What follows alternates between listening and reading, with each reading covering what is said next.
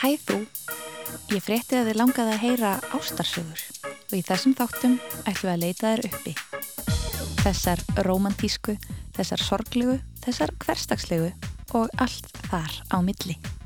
B-O-B-A, stóra ringi og hjartalaga, gætum við staðið hlið við hlið því ég er nakin eins og þú.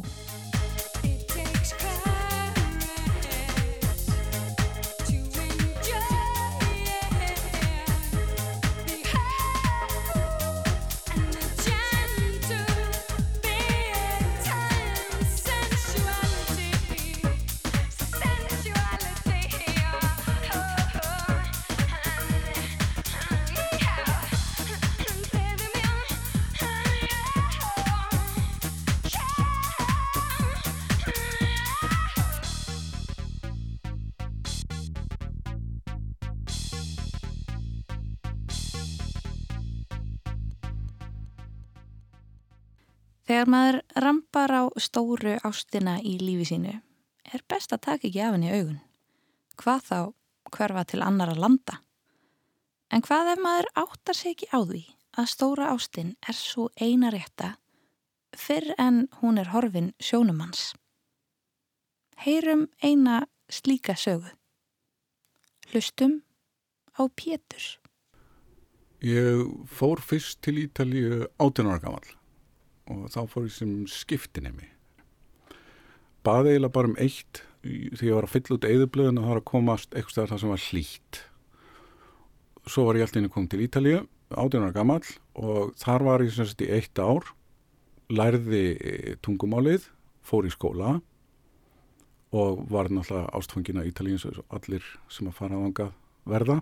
Þannig að ég vissi eitthvað neginn að ég myndi koma aftur en Svo var það ekki fyrir en að ég fór að skoða nám, þá var ég búin að ákveða að læra kvikmyndalegstjórn, að ég hitti konu Íslending sem var í námi út á Ítalju, í Róm. Og í kjálfara því ákveði ég að fara í þann skóla, flutti til Rómar og var þar já, samtals í, í þrjú og hálft ár.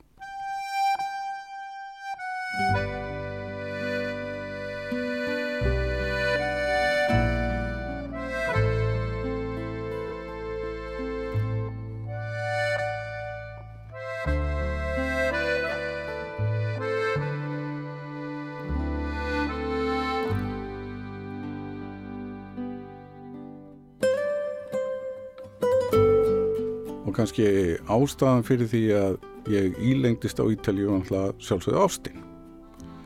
En uh, á svolítið skrítin hátt út af því að það sem gerist er að, að eiginkona mín núna sem er sænsk og heitir Charlotta hún kemur í skólan þegar ég er búið með annað árið á hún við náttúrulega finnum strax eitthvað svona hljómgrunn saman í kúltúrlegan og erum bara alveg rosalega góðir vinir. Og vorum það bara í skólanum og það voru sko engin nistar á millokkar, við vorum oft samferða í, í skólan og, og heim og við vorum bæði í öðru sambandi og, og hérna. Þannig að við vorum eiginlega bara alveg rosalega góði vinir. Og þannig byrjaði þetta nú eiginlega allt hjá okkur.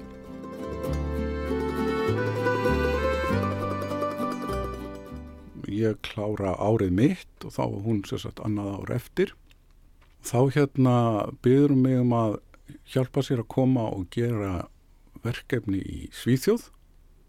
Svo ég fer til Svíþjóður og vinn með henni eitt svona verkefni fyrir fyrirtækiðar bróðupartin á sömrinu og þar var ég nú svona orðin mjög hrifin en það var ekkert að gerast og, og hérna ég held að þetta væri bara algjörlega mín megin.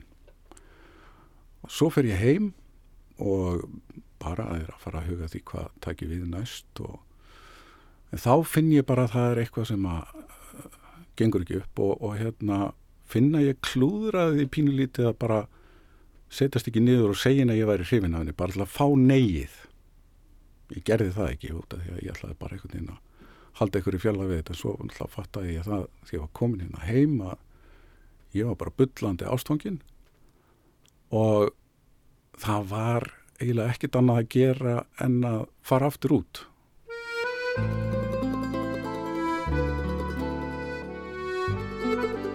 Sem að er sennilega svona hagfræðilega séð eitt það fáránlegasta sem ég hef gert. Nýkomin úr dýru námi gjörsanlega staurblankur.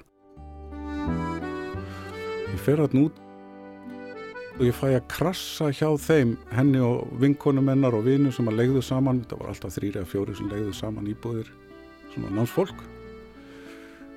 Og uh, þar uh, ber ég fram þessar raunum mínar að ég sé ástfangin af henni og kemur í ljósa að það er gagkvæmt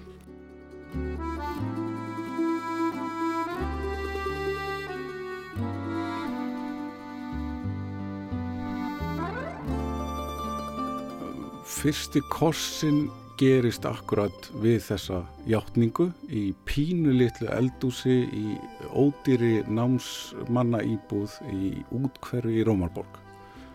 Og eins og allir fyrstu korsarnir hafa þetta náttúrulega ógleimalegt og, og hérna eitthvað sem að kvöld sem að verður alltaf með manni og, og svo framvegis og, og kannski fyrir utan ástina bara þessi óvænta gleði að hún væri ekki bara í eina átt.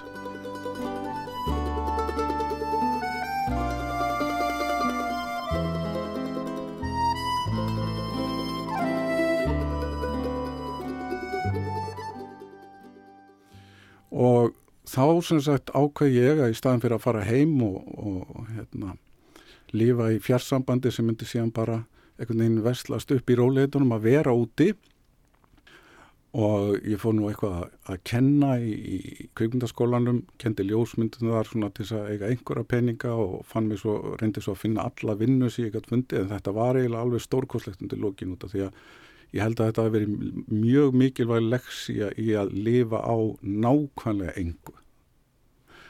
Aftur svona annað hagfræðilegt afreika síðustu tvo eða þrjá mánuðina þá var ég með vísakort sem ég var búin að eigða eitthvað á sem ég þurfti að borga og endaði á því að ég var fann að taka út peninga í hraðbanka og senda heim til pappa míns sem að tók peningana skiptiði mér yfir í íslenskar krónur og borgaði greiðslukortið í tvo eða þrjá mánuði.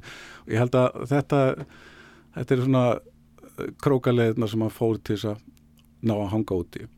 Svo verður af að uh, Lotta klárar námi sitt. Ég fer heim að vinna og ég svona það verður úr að hún ákveður að kíkja aðeins í nokkra mánuða heimsokn til Íslands og þar er hún búin að vera först í 25 ár. Og það er nú svo magna við erum búin að hlæja svolítið mikið að því að við þekkjum orðið mikið af sænska samfélaginu hérna heima í Reykjavík og það er það eru bara tvær týpur af sænskum konur sem að búa á Íslandi það eru tvær kategóriur og það eru mjög skilmerkilega uh, niðurneldar. Önnur er það sem við köllum prisoners of love sem eru bara konur sem hafa verið ástfangnar á Íslendingum og hinnar eru herstakonur er, það er engin millifögur, það er engin sænsk kona sem ég hef kynst allavega sem ákvað, hei hvernig verður að flytja bara til Reykjavíkur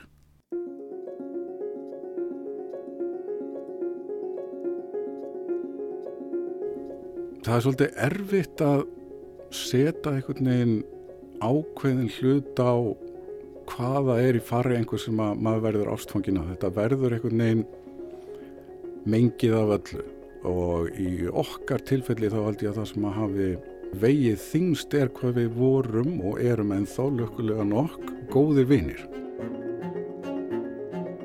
Þegar sambandið okkar verður romantíst þá þekktu við hvort annað. Það þurfti ekki og ég hef nú oft hugsað um þetta því að oft er þetta þannig að þegar við byrjum í samböndum þá við eitthvað ákveðna ímynd af manneskjum sem við verðum ástfangin af. Og svo svona komust við að því að uh, svo ímynd sem við höfum byggt okkur í huganum og gert okkur í hugalönda þessi manneskja væri er kannski ekki alveg eins og það getur verið betra eða verra eða hvernig sem er og, og fólk aðlagast og, og pass, passar aðkvort öðru ef að hlutinni ganga upp á annar borð.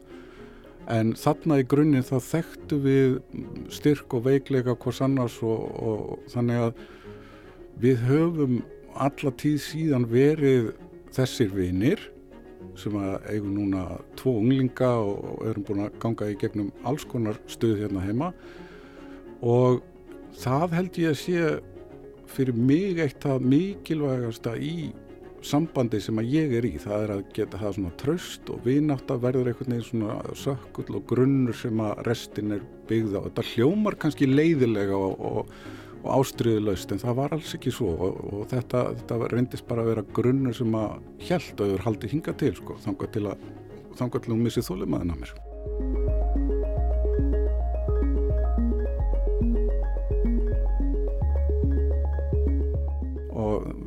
Ég segi, þegar maður lýsir þessu eftir 25 ára samband þá kannski, þá verður þetta kannski dauvar lýsingar af því að þetta er einhvern veginn atbyrðið sem að, maður getur ekkit alveg miðlað þessum tilfinningum. Þetta er eins og þegar við eignum spöll, það get allir talað um það og, og þanga til þú eignast bann, þá skilur þú samt ekkert hvaða þýðir að halda á banninu þínu í fyrsta skipti. Við manna hitti vinn minn á förnum vegi og saðunum að við ættum vona okkar fyrsta barni og hann segi já þetta er fyrsta, já ok.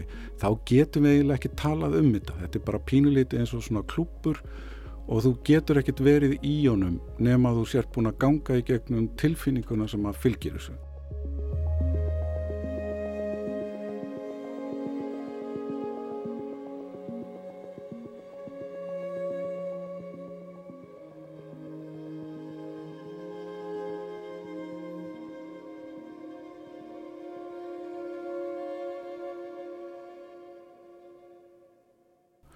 og ástin er svona líka þegar við tölum um ást ef við förum ekki út í ykkur svakalega eh, romantískar, viljandi romantískar lýsingar þá hljómar þetta eins og hluti sem koma fyrir hvern og einnin auðvitað í okkar allra tilfellum er þetta nákvæmlega það mikilvægasta sem kemur fyrir okkur á þeim tíma.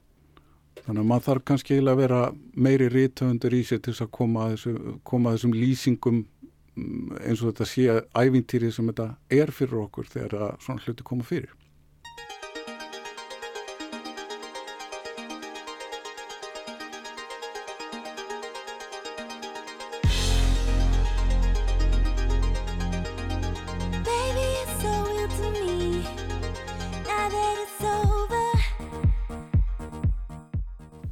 Varst að hlusta á hlaðvarpsútgáðuna af útvarpsþættinum Ástarsögur á rás 1.